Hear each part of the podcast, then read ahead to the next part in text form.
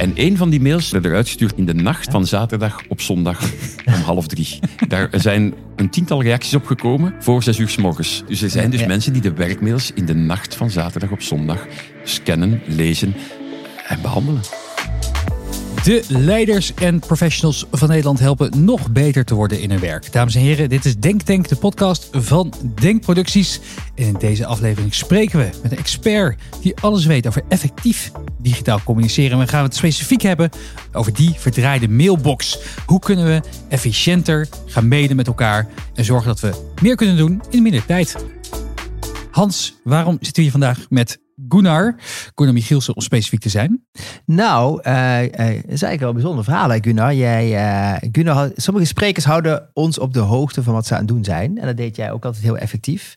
En op een gegeven moment deden wij een, een seminar met David Allen, hè, de godfather of time management.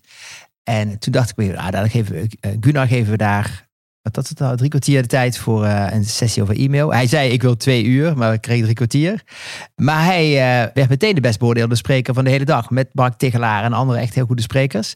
Dus we dachten, hé, hey, Hier zit iets. dat is wel, eh, en, en wat Gunnar heel goed kan, is eh, naast het is heel makkelijk om de, te bashen over e-mail.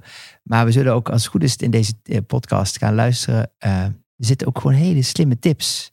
Waar je meteen denkt, oh, had je het even drie jaar geleden verteld? En dat is natuurlijk heerlijk. Ja, Gunnar, Dankjewel. jij, jij hebt je gespecialiseerd in een onderwerp waar veel mensen echt een soort van Haat. nachtmerries van ja, hebben. Pure Ja, haat. De mailbox. Wat was. Eh, Wat, Toch onmisbaar. Hè? Het is, eh, Ze haten het, maar niemand kan een uur zonder. Dus eh, nee, we, we, we hebben het natuurlijk al, voor mij hebben we het er al al honderd jaar erover met z'n allen. Van, Ja. van gaan we ooit van de e-mail af? Eh, als jij een voorspelling moet doen over het jaar 2040, zitten we dan nog steeds aan de e-mail met z'n allen? Eh, dat durf ik toch betwijfelen, omdat er eh, nu Teams zit aan te komen. En het is een, net zoals e-mail, fantastisch communicatiemiddel. Maar als je niet oplet, worden de problemen die zich nu in die inboxen afspelen en in e-mail gewoon verplaatst richting Teams of andere platformen. En ze worden daar in de praktijk nog veel erger.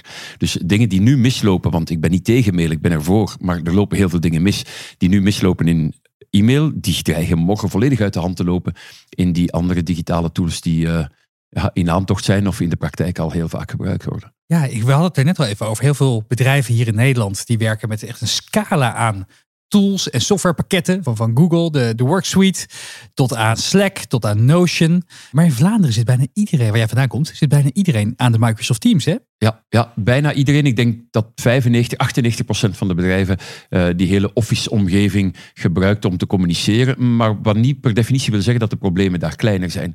Want een van de problemen is dat er zoveel communicatiemiddelen gebruikt worden en volledig door elkaar gebruikt, dat mensen om op de hoogte te blijven de hele dag door al die eh, communicatiekanalen moeten afscannen om toch maar niks uit het oog te verliezen. En leidt tot salamisering van de werkdag, heel de dag onderbroken worden met alle gevolgen van dien. Hans, Ja. hoe, eh, mijn- fameuze vraag, Hoe zit het bij jou? Hoe zit het bij Denkproducties? En, en ben jij zelf ook een e-mailverslaafde? Nou, ik moet eerlijk zeggen, wij zijn een paar jaar geleden eerst overgestapt naar Slack, maar nu naar Basecamp, waardoor we geen interne mails meer sturen. Dat scheelt echt een hoop, jongen. Dat is Mhm. niet normaal. En, eh, Helemaal geen interne mails meer. Nee, tenzij bijvoorbeeld eh, er ook een externe persoon bij zit. Maar als je gewoon intern, dan, dan stuur je elkaar gewoon een pingetje of een, of een notificatie. Uiteindelijk ga je natuurlijk wel met elkaar communiceren. Maar op de een of andere manier is de, de inbox is ook een veel langere en diepere vergaarbak van ja, berichten waar je voor je gevoel nog niet helemaal vanaf bent. Mhm. Vond ik mooi wat jij, jij ook als voorbeeld gebruikt. Heel veel mensen, en hier gaan we, ik ook, die gebruikten e-mail ook als een soort van eh, nog af te wikkelen takenlijst. Ja. Ja, Ja.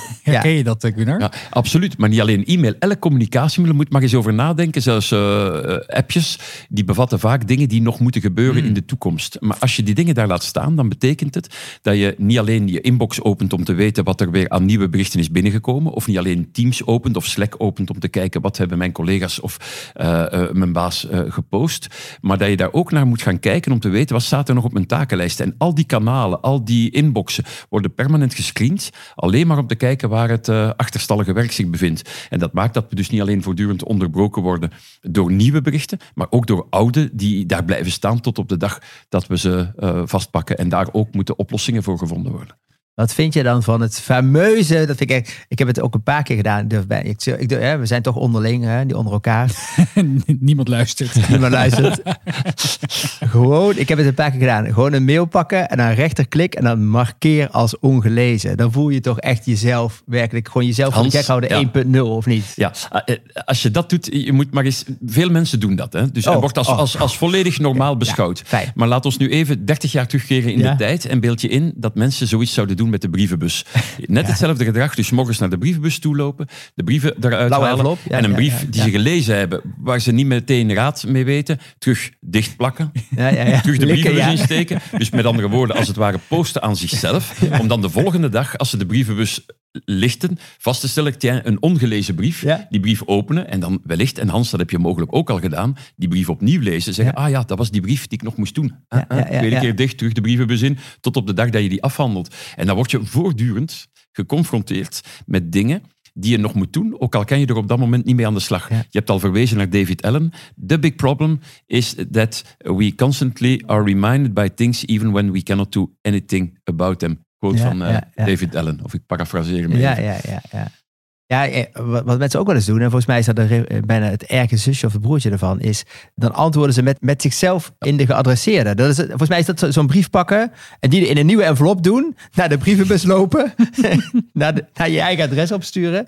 Maar, maar mensen, je doet het wel. Het is een soort gekke routine om je, Ja. om jezelf maar te managen. Goh, de Wat is- redenen ja. om zoiets te doen die zijn zeer divers, maar ik heb een soort, eh, ja, eh, het is een boetade, maar het werkt wel. Wie een mail stuurt naar zichzelf is nooit goed bezig. Daar zijn altijd betere oplossingen dan een mail sturen naar zichzelf. Ehm, Een klassiek voorbeeld is dat men een mail stuurt naar een klant, maar dat men zichzelf in CC zet omdat men die mail doet opvolgen.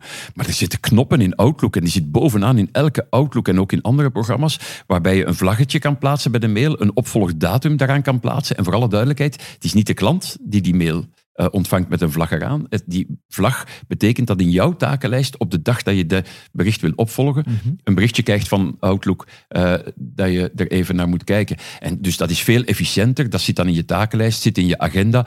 Maar mail naar jezelf sturen in CC, die komt dan weer in de inbox en dan zijn we weer vertrokken. Die moet dan weer gescreend worden om te zien of je niks vergeet. Eh, en het wordt veel inboxen vervullen vier functies. Brievenbus, takenlijst, vuilbak, archief. Mm. Mocht dat in een thuissituatie echt fysiek ook zo gebeuren, dat is, iedereen ziet meteen, dat is een drama. Ja. In inboxen vinden we dat allemaal vanzelfsprekend. Ik had zelf twee weken terug ook een vreemde situatie. Toen had ik een mail gestuurd naar iemand met een aantal mensen in de CC. Omdat ik dacht, die moeten daar wel van op de hoogte zijn. Omdat we gezamenlijk een event aan het organiseren waren. Dan wisten ze dat ik een bepaalde spreker had uitgenodigd daarvoor. En toen had diegene geantwoord aan iedereen behalve mij. Oh, oeh. Dat is, eh, Ja. dat is een andere cursus. eh, Ja, ik denk dat we ja, daar... eh, ja. Misschien gaan we niet daarop in deze keer. Nee. Het, is, het is dus mogelijk. Dat was me ook nog niet meege, eh, Ik had ook niet eerder meegemaakt. Hey, maar dat vlaggen van, hè, het, gebruik jij dat? dat? Dat je vlaggetjes en opvolging zet aan je mail en Ja, zo? in mijn G, G Suite, hoe heet Google tegenwoordig? Work Suite heb ik tegenwoordig sterretjes. ja? Ik heb sterretjes van mails die nog gedaan moeten worden. ja, precies. Maar jij zegt eigenlijk, je- je kunt ook aan mail zetten van volg op over twee dagen, over zeven dagen, wacht op het antwoord. Je kunt eigenlijk allerlei automatische opvolgregels toevoegen aan de mails die jij binnenkrijgt of stuurt. Ja, eh, allebei maar binnenkrijgen om te beginnen. Dus de basisregel zou moeten zijn dat als je een mailtje binnenkrijgt, of we spreken over digitale berichten, Mhm. via welk kanaal ze ook komen, dat je altijd van de allereerste keer beslist wat je ermee gaat doen. Vier mogelijkheden. Deleten, delegeren, het meteen doen, of anders delayen. En dan hoort het thuis te komen op één centrale takenlijst die je Mhm. inzet voor al die communicatiemiddelen, want die blijven alleen maar toenemen. Dus dat je ook die communicatiekanalen niet moet afgaan. Vlaggen eh, is iets minder gek op het eerste zicht dan een mail als ongelezen markeren, maar leidt tot hetzelfde vervelende Ja. eindresultaat, namelijk dat je door al die eh vlagde mails moet scrollen, altijd al die mails ziet, niet altijd weet wanneer je die moet afhandelen en uiteindelijk heb je het probleem niet opgelost. Ja, precies. Wat is jouw advies voor, eh, we gaan ook binnenkort de vakantieperiode weer in. Heel veel mensen die zetten dan een auto-reply op een mailbox, komen terug. Heel vaak checken stiekem tijdens de vakantie misschien ook nog wel eventjes de mail. Ja. Hè, eventjes, even Nee. lekker kijken of je nog belangrijk gevonden wordt. Maar dan komen ze terug en dan zit je inderdaad met drie, vier, vijfhonderd mails. Wat moet je daarmee doen? Ik heb ook wel eens iemand gehoord die zei, eh, ik zet, ik zet in mijn auto-reply, ik delete al mijn mails. Ja, en die doet Absoluut, dat dan ook. ja. ja. Ja. Ja, eh, nu dat durf ik als oplossing, universele oplossing niet verkopen, maar ik ken organisaties waar het toegelaten is om dit in de out of office, in de interne out of office, je kan dat onderscheid maken, Mhm. te plaatsen. Grote bedrijven zijn de meeste mails intern. En daar staat dus dan letterlijk in, ze hebben een soort basistekst. Kijk, eh, ik ben afwezig tot dan en dan. Uw mails worden niet gelezen en worden zelfs gedelete. Indien u wil dat ik hem na mijn terugkeer behandel, stuur hem opnieuw. En mensen denken dat zoiets klantonvriendelijk is. Natuurlijk voor externe klanten heel moeilijk, maar intern vind ik dat zeer klantvriendelijk. Omdat op dat moment komen alleen de belangrijke mails nog terug. Waardoor je in plaats van die massa 500 mails na een vakantie, is niet zo uitzonderlijk, heb je er slechts 30, namelijk van de mensen die de moeite hebben gedaan om het opnieuw te sturen. En omdat die niet verdund zijn door al die andere problemen die wellicht al opgelost zijn, kan je die 30 mails ook effectief en vrij snel na je vakantie afhandelen. Dus dat is op zich geen slechte oplossing. Met tien verstanden dat zoiets moet afgesproken worden op bedrijfsniveau. Ja, Ik hoorde zelfs iemand, maar dat werkt beter denk ik voor ondernemers die daar wat meer autonomie in hebben over hun mailboxbeleid. Eh, die, die had in zijn auto-reply staan, ik lees die mails dus niet en het wordt, het wordt gedelete. Ik heb een tweede mail, mailadres, dat is dit, voor hele urgente zaken, Ah ja. waar we vakantie voor onderbroken moet worden. Mag geworden. Ja, ja. Mail hier naartoe en dan zal ik er naar kijken. Ja. Maar weet dat ik ruzie krijg met, met de familie. Met Maar ik doe hetzelfde. ja, Ja. Ik doe hetzelfde op een eh, licht andere manier, maar het komt op hetzelfde neer. Ik zit, zet in mijn of office, ook wanneer ik op vakantie ben, dus dat ik de mails niet lees tijdens mijn vakantie. Ik lees ze wel daarna, dus ik delete niet. Eh, maar dat als het echt absoluut niet anders kan, klanten mij mogen bellen. De meeste vakanties gaan voorbij zonder telefoons van klanten. ja, ja, ja. De- als je dat, dat emotioneel neerzet van als jij denkt dat mijn vakantie Zoiets. verstoord mag worden door jouw bericht, nou dan denk ik wel drie keer na voordat Ja. je dat gaat doen. Ja, ja. Nederlanders zijn wat dat betreft iets directer Hans dan eh, de gemiddelde. Vlaming, dus ik stel het niet zo scherp. Nee, Maar, maar, maar ik doe dat- het en ik word, en mensen zeggen, oh ja, dan verplaats je het probleem. Nee, dat is ook voor mij een geruststelling. Ik weet dat als het echt moet, dat ik bereikbaar ben. Nu, met alle respect Hans, ook voor jou. Ik zit in de wereld van de opleidingen. Dit is nooit een zaak van leven of dood. Hè. Het kan natuurlijk dringend en belangrijk zijn, maar ik ben geen meestal geen chirurg. mailtje, toch? Nee, nee, nee, nee. Maar dus wat dat betreft denk ik, kunnen vrijwel alle dingen wachten tot na mijn vakantie. En kan het niet, ja, dat, dat mensen mij dan bellen. Van harte welkom. Meestal krijg ik nogmaals geen telefoon op basis van een Hmm. reply die zo'n boodschap bevat. Hoe doe jij dat eh, Hans op vakantie? Je gaat binnenkort ook, eh, weet, Ja. ik, weet ik toevallig uit betrouwbare bron. Ja, heel goed. En je Ja. hebt in september een groot event, Ja. natuurlijk, 19 september, eh, Amsterdam Business Forum. Yuval Harari, nou, we gaan, maken zo meteen nog wel wat promo ervoor. Maar, eh, dus daar moet toch veel voor gebeuren. Kan je dan in je vakantie die mailbox helemaal loslaten of neem je toch een laptopje mee? Ja, ik ben heel slecht. Ik eh, ga op cursus bij Gunnar. Eh, maar ik, ik probeer het voor mezelf wel echt te limiteren tot eh bij wijze van spreken. 20 keer per dag. Nee, nee, nee. nee. vind, vind ik meevallen eerlijk Ja. gezegd. Ja. Nee, één moment per dag. Dat je denkt, oké jongens, nu heel even, maar even zien van, is er iets wat eh, niet kan. Geef me op de een of andere manier, is heel fout, ik weet het, ik moet op, de, ik moet op therapie. Geeft een soort gevoel van, oei, deze dag mag weer tot rust gebracht worden. Maar eigenlijk is het natuurlijk veel beter om het gewoon twee weken uit te zetten. Een leuke anekdote uit Ja? mijn jeugd. Oh, uit de jeugd. Ja, mijn ouders met hun vier kinderen, waarvan ik er één was, gingen elk jaar eh, een maand met vakantie. Mhm. In de Ardennen, in Orchimont. Ik had dat opzoeken op de kaart. Fantastisch mooi dorp in het zuiden van België. En mijn vader gaf leiding aan toch ook een eh, kleine honderd mensen in zijn bedrijf. We waren één maand waren we weg. Het huis dat we daar huurden had zelfs geen telefoon. En één keer per maand, ongeveer halverwege, hield mijn vader het niet meer. Ging hij naar het lokale café om daar niet alleen een duvel te drinken, maar ook even te bellen naar het werk. Is alles nog onder controle? Ik spreek van de jaren zeventig. Ja, ja, ja, ja. En dan verweet mijn moeder, eh, mijn vader altijd van je kan je werk ook niet lossen. dus dat wil zeggen, was één moment van vijf minuten Ja. in een hele Ja. maand, Ja. waarin toch een leidinggevende met een aantal verantwoordelijkheden het aandurfde om het contact met de werkplek te herstellen. En dit werd als extreem gedrag Ja. beschouwd. En nu zitten we allemaal de hele dag door aan de Costa Brava Ja. of in Benidorm te werken alsof ons bureau gewoon verplaatst Ja. is van Amsterdam naar Spanje. Ik, eh, ik had Ja. eens gehoord van een ondernemer die zei: ik, ik, ik verwijder altijd fysiek alle eh, appjes van mijn telefoon die ook maar iets met werk te maken kunnen hebben. Dan kan ik hem altijd nog in de browser opzoeken als ik het echt niet meer aan Oh, kan. ja, ja. Maar dan heb ik in ieder geval niet, de, kan ik niet het automatisme inderdaad hebben dat ik 's ochtends toch mijn Outlook open, mijn Slack, mijn, mijn Ja. Notion documenten. Wij hadden dus, eh, we hebben een e-mail eh, service eh, voor onze marketingmails. En, dan- en dan krijg je elk jaar krijg je de e-mail benchmark. Dan krijg je dus te horen, wat is het beste moment om een mail te versturen? Wanneer wordt die best geopend? Wanneer wordt die best doorgeklikt? Het was wel echt frustrerend voor B2B-mails. De meeste mails worden verstuurd op dinsdag of donderdag, rond 12 uur. De hoogste kans op open en click-through is zondagavond. Echt? Ja. Wauw. En het zijn dus dan mails die op dinsdag of donderdag verstuurd zijn. Hè? Die worden dus op zondag geprocessed. En dat, dat kunnen ze natuurlijk zien. Je kunt natuurlijk zien wanneer die mail verstuurd is en wanneer die wordt geopend. Ja. Dus ja. We hebben zelf eens een onderzoek gedaan, een jaar of vijf geleden, waarbij we een, eh, toch een duizendtal vrijwilligersmensen uit onze database hadden we ingelicht uh, over dat onderzoek. Wie wil meewerken? U krijgt van ons drie e-mails, of vier e-mails gingen ze krijgen. En ze moesten, zodra ze die mail binnenkregen met een bepaalde boodschap, onmiddellijk replyen. Zodat wij zagen wanneer, hoe sneller replyen, hoe beter. Er was ook nog een kleine prijs aan verbonden. En één van die mails, dus er werden eruit gestuurd tijdens de werkdagen twee. één op een werkdag, maar na de gewone werkuren. En één in de nacht, in de nacht ja. van zaterdag op zondag om half drie. Daar zijn een tiental reacties op gekomen voor zes uur s morgens. Ja. Waarvan twee of drie meteen. En allemaal die dan reageerden, ze moesten gewoon replyen, dat was het. Maar altijd met uitvluchten. Ik was toevallig dit. Dus er zijn dus Ja. mensen die de werkmails, want het waren professionele e-mailadressen, Ja. die de werkmails in de nacht van zaterdag op zondag scannen, lezen en behandelen. Te gek voor woorden. Nou ben jij natuurlijk weer zo'n eh, fantastische e-mailguru die dus niet de hele tijd in zijn inbox zit. Hoe vaak kijk jij in je inbox en hoe, hoe ziet jouw werkdag eruit, e-mail-wise? Wanneer komt het aan de beurs en hoe doe je dat dan? Om te beginnen, Hans, ik ben ook een mens. Oh echt? Oh mooi. Dus ah, dat is fijn. Ik eh, Oké, sta op voel een podium en ik vertel, ik geef allemaal best practices mee. Maar als ik niet oplet, val ik ook in, eh, in, in, in, ja, in de fouten van anderen. Ik, ik, ik doe hetzelfde, we worden constant verleid. Maar ik kan toch wel zeggen dat een van de dingen die ik heel, heel bewust doe, is morgens vroeg, wanneer ik op kantoor binnenkom, mijn inbox niet openen. Maar En- op kantoor ben ik, oh wacht even, dan ben je al opgestaan, Ja. heb je al koffie gezet, Ja, heb je kan al krant gelezen, fysieke krant, Ja. de Gazet van Eh, eh, Antwerpen. de fysieke krant. Ja, ja, ja. Ja. Niet in de inbox geweest, niet op je telefoon Nee, gekeken, absoluut niet? nooit. En dat zal me eh, vrijwel nooit overkomen. Oké. Ja.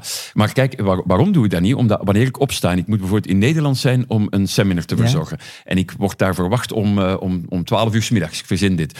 Hè, dan om 9 uur s morgens ehm, is er voor mij maar één prioriteit. Namelijk op tijd op dat seminar geraken. Dus dan zou het wel eens kunnen, Hans, dat ik mijn smartphone toch ter hand neem. Maar niet om mijn mails te checken, maar om het belangrijkste van die dag even te checken. Namelijk Waze of eh, Google Maps om te kijken, zal ik daar op tijd geraken. De meeste mensen springen in hun inbox. Dus opnieuw begint de werkdag reactief om om tien uur vast te stellen. eh, ik moet om 12 uur in Nederland zijn, wees erbij te pakken en te zien dat de Antwerpse ring zo potdicht zit dat ze te laat zijn om daar op tijd te komen. ja, ja. Ze verliezen hun prioriteiten uit het oog. Dus eerst de dingen doen die er echt toe doen. Om te vermijden dat je s'avonds vaststelt, ik heb heel de dag hard gewerkt, ik heb niks gedaan, mijn prioriteiten liggen daar nog steeds. Nu klinkt dit allemaal heel erg logisch. Hè? Er is denk ik geen argument te verzinnen om wel elke ochtend te beginnen. Om te kijken welke werk-e-mails, welke cc-e-mails je nu weer allemaal hebt ontvangen. Behalve misschien voor dat kleine endorfine shotje wat je krijgt in je hersenen van oh hey, ik, ben, Ja. ik, ik heb weer wat mails eh, ontvangen. Frustreert je dat niet af en toe? Dat mensen, zoals van, eh, we hebben vandaag een seminar gehad hier op de Hightech Campus. Heb je voor 150 professionals heb je een hele mooie lezing hierover gehouden. Hoeveel mensen denk je dat dit morgen echt gaan, gaan doen? Goh, kijk, frustreert het mij? Ehm, als cynische ZZP'er zou ik kunnen antwoorden, nee, dat geeft me nog jarenlang werkzekerheid. Eh, maar ik, ik besef ook dat het eh, in de praktijk moeilijker is dan in theorie. Alleen, ik probeer en ik, ik hoop dat dat toch bij een aantal gelukt is, ook om ja, te demonstreren dat de oplossingen ook niet zo moeilijk zijn. Het enige wat je moet doen is tegen een soort intuïtieve reactie te vechten die bijna aangeboren is. Wij zijn nooit ontwikkeld om asynchrone communicatie te verwerken, om eh, eh, zaken die in onze inboxen zitten te laten liggen. Wij zijn geprogrammeerd, voorgeprogrammeerd om onmiddellijk op communicatie te reageren, kort op de bal te spelen. Als er bij wijze van spreken iets ritselt in het struikgewas, willen wij weten wat ritselt daar. En eh, als je je bewust bent van dat probleem en je ziet hoe contraproductief het is op de werkplek, denk ik dat, dat er toch wel een heel aantal mensen zijn die de stap zetten. Maar nogmaals, ik hoop dat Hans het mij niet kwalijk neemt. Geen enkel seminar, ook niet van denkproducties, is de oplossing. De oplossing zijn de mensen zelf na het seminar die interessante dingen gehoord hebben. Maar daar moeten mensen mee aan de slag. En dat is altijd nog, gemakkelijk gezegd misschien voor een lesgever, maar de verantwoordelijkheid ook van de deelnemer. En dat is een belangrijke stap. Mensen moeten dit beseffen. BJ Fogg eh, noemt het altijd de tiny habits. Heeft hij Ja. daarover ge- gepubliceerd. Je moet beginnen met hele kleine stapjes om bepaalde routines te creëren. Ben Tegelaar heeft het er ook vaak over. Wat zou nou een microstapje zijn die mensen kunnen doen om inderdaad wat minder zich te laten leiden door hun inbox? Ja, ik denk twee stappen. We hebben het er al kort over gehad. Maar de eerste en heel belangrijk is WhatsApp, Inbox, Teams, alle notificaties af. De tweede stap voor mij, die als kleine stap het relatief grootste verschil maakt, is om Outlook zo te programmeren dat je bij het starten van de werkdag niet langer op je inbox uitkomt, Mhm. na het opstarten van Outlook, maar het, het scherm ziet Outlook vandaag. Outlook vandaag is een scherm dat je een overzicht geeft van de belangrijke afspraken van de dag, eventueel van de taken die je wilt afhandelen. En dat geeft al een focus die verlegd wordt van ja, dus de reactieve focus naar de, naar de proactieve modus. Dat je echt zegt, dit zijn mijn taken. En de eerste tien minuten, het eerste kwartier van de dag daarop focussen, maakt ook voor de rest van de dag een groot verschil. Dus ik denk dat deze, het is iets technisch, Outlook vandaag instellen als startscherm in Outlook, maakt al een Ik, ik heb ook al eens gehoord, ik heb, ik heb het nog steeds niet ingesteld bij mezelf, maar ik denk dat ik dat wel binnenkort moet gaan doen. Ik heb nog geen Outlook, maar de Google Suite. Dat je pas als je op een bepaalde knop drukt, dat hij dan de nieuwe e-mails gaat ophalen. Ja. Ik heb dus heel vaak inderdaad, dan moet ik even in mijn inbox zijn om even iets op te zoeken, wat Mm. uit in het archief staat. Maar daar, dan zie je inderdaad toch die nieuwe mails binnenkomen en dat maakt je toch nieuwsgierig. En voor Ja. je het weet, ben je een half uur of een uur verder. Dus dat kan misschien ook een goede stap zijn. Dat je Ja, dat- eh, dat- ik doe het zelf ook. Hm. Ik moet klikken op Ja. verzenden en ontvangen. En anders Ja. komt er bij mij niks binnen, gaat er ook niks buiten. En je doet ook met, eh, dat je een fantastisch voorbeeld. Want iedereen heeft dat wel eens. En je gaat me nu niet vragen, Remy, om een voorbeeld. Maar ik heb dus hele voorbeelden. dat je een mail hebt gestuurd en je denkt... Oh nee, kan ik nog de wifi ontkoppelen? Kan die nog er niet uit? Eh, er is iets in te stellen in Outlook, hè? Dat je hem heel eventjes in een buffertje houdt. Ja. Dat hij net voordat hij de deur uitgaat... toch nog eventjes nou, een paar minuutjes blijft wachten. En dat het een lifesaver kan zijn. Ja, eh, wie schrijft, die blijft. En daar zijn we ons ook te weinig van bewust hoe dat we door het overschakelen van een mondelinge gesproken cultuur naar een geschreven cultuur, dat we elke stommiteit vastleggen voor de eeuwigheid. En vaak leidt dat tot heel vervelende situaties met collega's of klanten. Maar je kan in Outlook de, eh, via Outlook Rules instellen dat elke keer als je een Outlook verzendt, die Outlook nog 1, 2, ja, zoveel tijd als je nodig hebt opdat jouw frank zou vallen, zeggen we in Vlaanderen. Ja. Vijf minuten misschien hier in Nederland. En dat die zo lang in jouw outbox blijft staan in de postvak uit. En dat die pas na zoveel tijd vertrekt. Dat geeft je nog bedenktijd of geeft je nog eh, mogelijkheid om toch... Wie heeft er nog nooit een mail gestuurd en vervolgens... En nu met attachment. Oh. Iedereen, hè? Ja. Iedereen. Dat zijn natuurlijk de minst dramatische vergissingen. Maar ook die mails kan je dan heel eh, snel terug ophalen uit je postvak uit, attachment toevoegen, maar vooral de grote stommiteiten. En ik denk ook dat daar iedereen eh, wel een aantal verhalen heeft die hij liever niet vertelt. Ja, maar die kan je op die manier ook counteren. Dus Ja. de rule, stel de verzending uit instellen. Ja. Ook een geweldige tip, denk ik. Ja, en dan moeten we eigenlijk nog even eh, als laatste misschien nog even hebben over de anatomie van een goede mail. Hè? Want daar kijk jij heel anders tegenaan dan, de, dan menig tekstschrijver. Ja. Want we schrijven maar wat. Tenminste, dat, zo lijkt het wel eens. We gaan gewoon we blaten we gaan een heel eh, mooi ja, epistel ervan maken precies. met de belangrijkste AIDA informatie En, eh, ja, ja. erin verborgen. Aanleiding, eh, conclusie. Ik weet niet of in Nederland al verder is dan in Vlaanderen, maar ik heb Ja. vijf kinderen en die hebben exact hetzelfde geleerd over teksten als ik vier decennia geleden. Ja. Alsof er intussen tijd niks veranderd is. En wat hebben wij geleerd? Wat leren mijn kinderen nog? Een tekst heeft drie delen. Een tekst moet logisch opgebouwd worden. Mhm. Een inleiding, een midden en een slot. Met als resultaat dat de belangrijke stukken van de tekst terechtkomen op plekken waarvan onderzoek, iTrack-onderzoek aantoont dat het niet aandachtig gelezen wordt. En als het gelezen wordt, wordt het vergeten. Eh, eh, wat je heel vaak ziet, is dat bijvoorbeeld een belangrijke vraag terechtkomt in de tweede helft van de alinea. Terwijl onderzoek aantoont dat wat er meteen na de interlinie staat, dus de eerste zin van de alinea, gewoon veel beter gememoriseerd wordt. Dus wat mensen nooit meer mogen doen, is een logische alinea. Volgende week vrijdag heb ik een dagje vakantie. Kan je mij uitzonderlijk het afgewerkte dossier X donderdag al bezorgen? Maar ze moeten het omdraaien. Kan je mij uitzonderlijk dat dossier X donderdag al bezorgen? En dan kan je uitleggen, vrijdag heb ik een dagje vakantie. De vraag komt na de interlinie. En we hebben ook de test gedaan tijdens eh, het, het seminar zo net. Dan blijkt dat de mensen de vragen correct beantwoorden als de antwoorden op de juiste plekken stonden in de mail. Dus niet verstopt in het midden of aan het einde van de mail. Heb je een vraag, eindig er niet mee, geen conclusie, begin ermee. Trouwens, zoals journalisten. Ja, en witregels ertussen zetten, toch? En witregels, hè? Ja, dus vooral, dat die zweeft in de mail. ja, ja, Heerlijk. Ik vind het af en toe, eh, wij doen natuurlijk ook wel eens commerciële mails. En, en dan merk je ook, dan wil je vaak een heel betoog eh, doen. En wat het een van de allerbeste e-mails ooit, die was van de, wel, van de Week van de Ondernemer. Die hadden als eh, e-mail marketing, daar zou Pieter van Hogeband komen spreken. De destijds ineens Olympisch kampioen zwemmen, was een van de eerste keren. En die hadden gewoon een e-mail geschreven, afzender Pieter van Hogeband. Ik kom spreken op de Week van de Ondernemer. En als de body was, kom je ook? Klik hier, Pieter.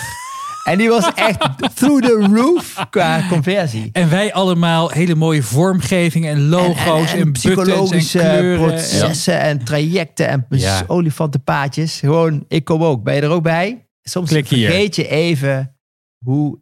Ja, je, je, mensen willen gewoon weten wat ze moeten doen. Ja. En Oh, meer tekst is volgens mij, baksteen is, tekst is volgens mij sowieso uit de boze. Ja. Maar, eh, Bewijst ja. dat de psychologie van de schrijver en de lezer niet meer sporen als het gaat Ja. over digitale communicatie. ja, ja. Doen dat gewoon op een totaal andere manier. Ja, we hebben ook een hele mooie podcast opgenomen met Marten van Kranenburg. Die Zo, eh, weet ja. ook eh, van alles over, over effectieve copy. Op websites, facturen, maar ook mails. Dus luister die vooral eventjes terug als je die nog niet hebt geluisterd in de Denktank podcast feed. Hans, laatste vraag voor jou. Ik noemde het net al eventjes. 19 september is het Amsterdam Business Forum. Eh, je hebt een, een fantastische line-up aan sprekers. Wil je nog even voor de vervente Denktank luisteraars één reden geven Ja, waarom ja. iedereen hier naartoe moet komen? Kijk, wij staan bekend omdat wij onze, bij wijze van spreken, relatief plug-and-play seminars. Hè, waar, eh, waar Gunnar eh, sprak, dat was 24 manieren om een uur te besparen. Alleen maar tips op tijd te besparen. Dit wordt zoals zeg maar, ons gemengde boeket. Hè? Dus we krijgen een, een historicus, Yuval Harari. We krijgen een Harvard-professor, Amy Edmondson. We krijgen een, een Nederlander die de wereld aan te redden is, Bojan Slat.